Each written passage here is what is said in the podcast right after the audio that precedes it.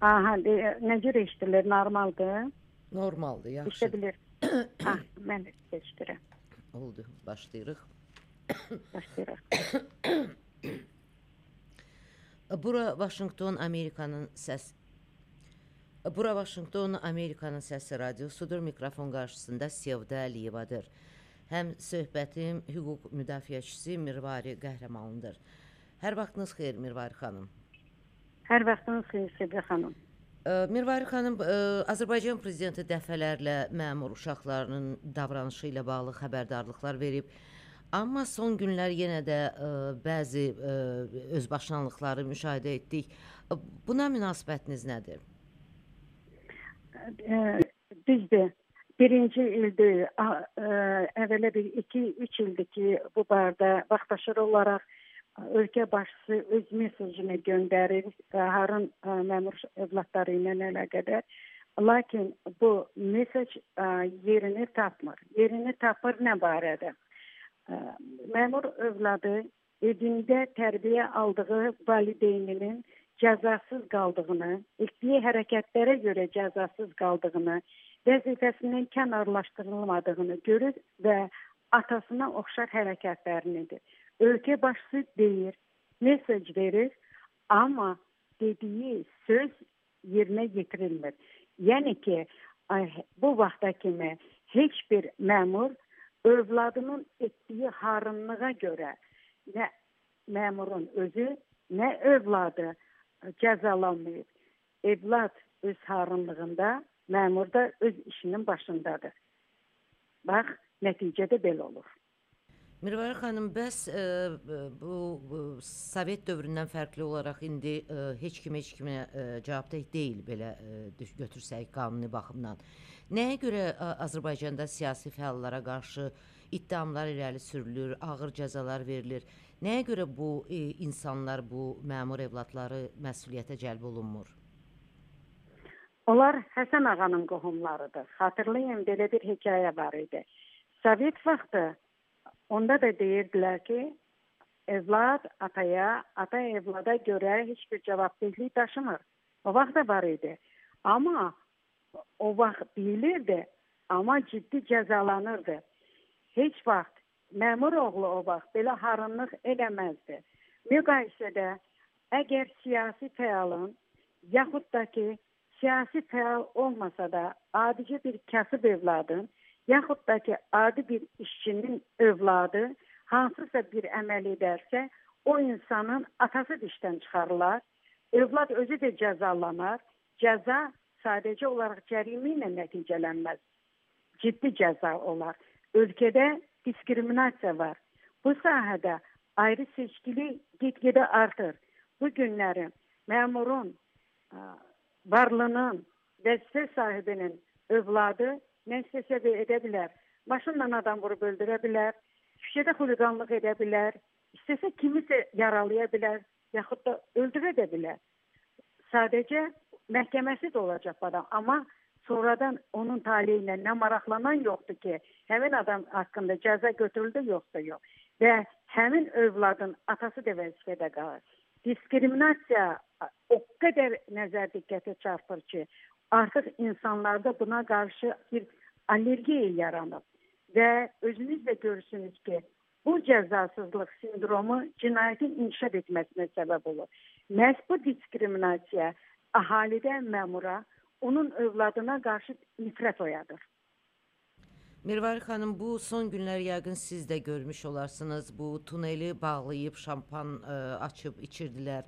Ə, böyük bir tıxaca səbəb olmuşdu. Ə, bunun ə, bu hadisə ilə bağlı hər has- hansısa bir ə, araşdırma oldumu, buna bir cavab verən oldumu? Olmayacaq da. Özünüz göz, ə, bildiniz ki, ə, rəsmi şəxs, vəzifəli şəxs ə, soyadı yadımdan çıxdı. Vaqif müəllim, səhv eləmirəmsə, açıqlama verdi. Həm mətbuatda və mətbuatda da sosial şəbəkələrdə də yayıldı ki, bu deyəsən köhnə kadrdır. Və əslində bunu izləmək də çox asan idi və bilmək də asan idi. Sadəcə bu məsələ bilinir, kimlər törədir, kimlər tərəfindən e, bu tunel bağlanır və yəqin ki, bunların hansısa bir vəzifəli insanın övladları olduğu üçün yaxud da ki, hansısa bir vəzifəlinin övladının toyu imiş ki, bu ə, e, insanlar cəzasız qaldı. Əgər hansısa bir sadə bir vətəndaş yaxud da onun övladı tuneldə heç olmazsa bir 3 dəqiqəlik ə, hərəkəti saxlasaydı, o adam cəzalanırdı. Bu insanlara mənəvi qarşı işgəncə olub, tuneldə hərəkətin saxlanılması, tunelin ə, ə, tuneldə boşadlığın ə, keçirilməsi və probkanın yaranması, bəlkə orada ağır xəstə olub, bəlkə kimsə ə, xəstəxanaya çatdırılası bir insan olub. Həmişə də olduğu kimi bu hətta araşdırılmadı. Səsi də çıxarılmadı ki, orada kimə ziyan dəyib? Kim mənəvi işgəncə verir? Kimin həyatına nə isə bir ə, xoşa gəlməz hadisə olub? Tək ki məmur övladı sevinsin. Hətta mən ə, öz ə, Facebook səhifəmdə də yazdım və sosial şəbəkədə də yaydım ki, biz sevinək ki, yaxşı ki, məmur övladı metro tunelində oynamaq istəmir. Yaxud da ki, minik koridoruna təyyarədə ə, o şənlənmək istəmir, istəyib, ə, istəmir. Yoxsa bizim ə, ixtiyarımız nə idi ki, ona etiraz bildirəm. Bu ölkədə bir lozunq var. Məmur və məmur övladı cəzasız qalmalıdır. Və bu cəzasızlıqda inkişaf eləməyi hara aparıb çıxardacaq bu dövləti bilmirəm. Mirvari xanım, e, bu sürücülük vəsiqəsi olmadan maşın idarə etmək, siz qeyd etdiyiniz kimi qəza şəraiti e, şəraiti yaratmaq kimi halların qarşısı necə alınmalıdır? Sadəcə olaraq qanun işləməlidir ölkədə. Sadəcə olaraq ə, ə, bu dövlət ə, müfəttişliyi, avtomobillərə baxan müfəttişlik rəisləri özləri qanunu bilməlidirlər, özlərini təqdim etməyə bacarmalıdırlar, ayrı seçilik salmamalıdırlar və rüşvət almamalıdırlar. Çox təəssüflər olsun ki, bilirsiniz ki, sosial şəbəkələrdə bəzən məmur evladının elədiyi avtoşluğa Bu yaxınlarda bax bu gün e, jurnalist İlkin Muradovun yazısı çap olunub ki, bir avtoşluğa görə neçə yerdən zəng edib ona hədə qorxu gəliblər. Qanun işləməlidir və müfəttişlər ə, e, savadlı olmalıdır. Birinci qanuna riayət onlardan başlamalıdır.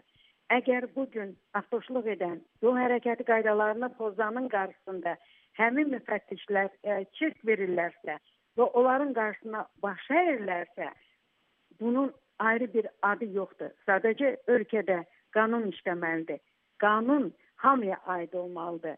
Qanun məmurdan yan keç keçməməlidir. Onun övladından yan keçməməlidir.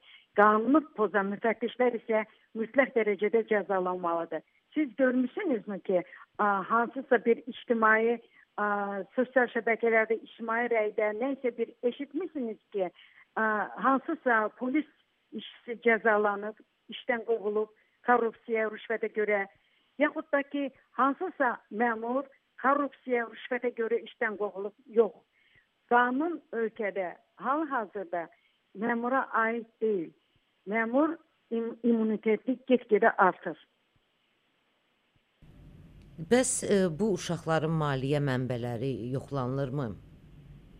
Bahalı Onların, maşınlar sürürlər, ə, ə, ən bahalı şampanlar açırlar, ə, restoranlar bağlanır bir nəfər üçün. Bunu yoxlayan bu, varmı?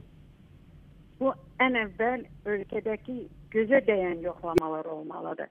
Vətəndaşdan ə, bir neçə gün bundan əvvəl bir tədbirdən gəlirdim. Yol kənarında həqiqətən böyük bir qala var idi. Yolun sağında qala və polis var idi qarşısında qala özdəki keçmiş qalalar kimi elə bir ə, silahlı ə, adamların yerləşməsi kimi də nəzərdə tutulmalıdır. Və yoxlamalar gözə çarpadanda başlamalıdır. Bu hardandır? Məmurluğun elə məmur var ki, elə insanlar var ki, elə haqqı pozan insanlar var ki, bir ailədə neçə nəfərdirsə ən bahalı maşınları var. Neçə ailədirsə onların villaları var. Hardandır bu? Əmək haqqı ilənmi? Bu insanlar vergi verirlərmi? Bu insanlar ə, e, qanunlara riayət edirlərmi? Bu ə, e, insanlar ə, e, öz gəlirləri haqqında deklarasiya ə, hazırlayıb ə, təqdim edilmə edirlərmi? Bilirsiniz ki, 2004-cü ildə ə, qanun ə, çıxdı ki, ə, məmurun məmurlar deklarasiya verməlidir öz gəlirləri haqqında və o vaxtda Nazirlər Kabinetinə tapşırıldı ki, blankı hazırlasınlar. 14 ildir ki, bir blank hazırlanmır və məmurlar öz gəlirləri haqqında deklarasiya da görmür. Amma məmurun gəlirinə deklarasiya da lazımdır məmurun gəliri onun villalarıdır. Məmurun gəliri gə, ə, e, deklarasiyası onun harın evladlarıdır. Məmurun deklarasiyası harın evladların sürdüyü çox bahalı maşınlardır. Və bu deklarasiyalar hansı ki saydığım deklarasiyalar barədə e, heç ictimaiyyətə açıqlanma getmir. Bu haqda heç bir cəza tətbiq olunmur ki, hardandır bunlar? Oğurluqdurmu? Ədalətli yolla, şəffaf yolla qazançdırmı? Və nə qədər ki, bu dediyim deklarasiyalar haqqında cəmiyyətə aydınlıq gətirilməyib, bu ölkədə heç kim heç kimin kitabını oxumayacaq və bu ölkəni iqtisadi cəhətdən zəiflədəcək. Ölkə imicinə ciddi ziyan vuracaq. Mən bir haşiyə cızım ki, qabaqlar ölkədə müstəqil vətəndaş cəmiyyətinin olduğu vaxt bilirsiniz ki, 2014-cü ildən sonra ölkədə demək olar ki, barmaqca sayılan müstəqil QHD-lər qalıb. Monitorinqlər aparılırdı, hesabatlar hazırlanırdı və cəmiyyətə müstəqil qəzetlərdə bu haqda yazılar gedirdi. Yəni o məmura, o villa hardandır, izahatlar gedirdi.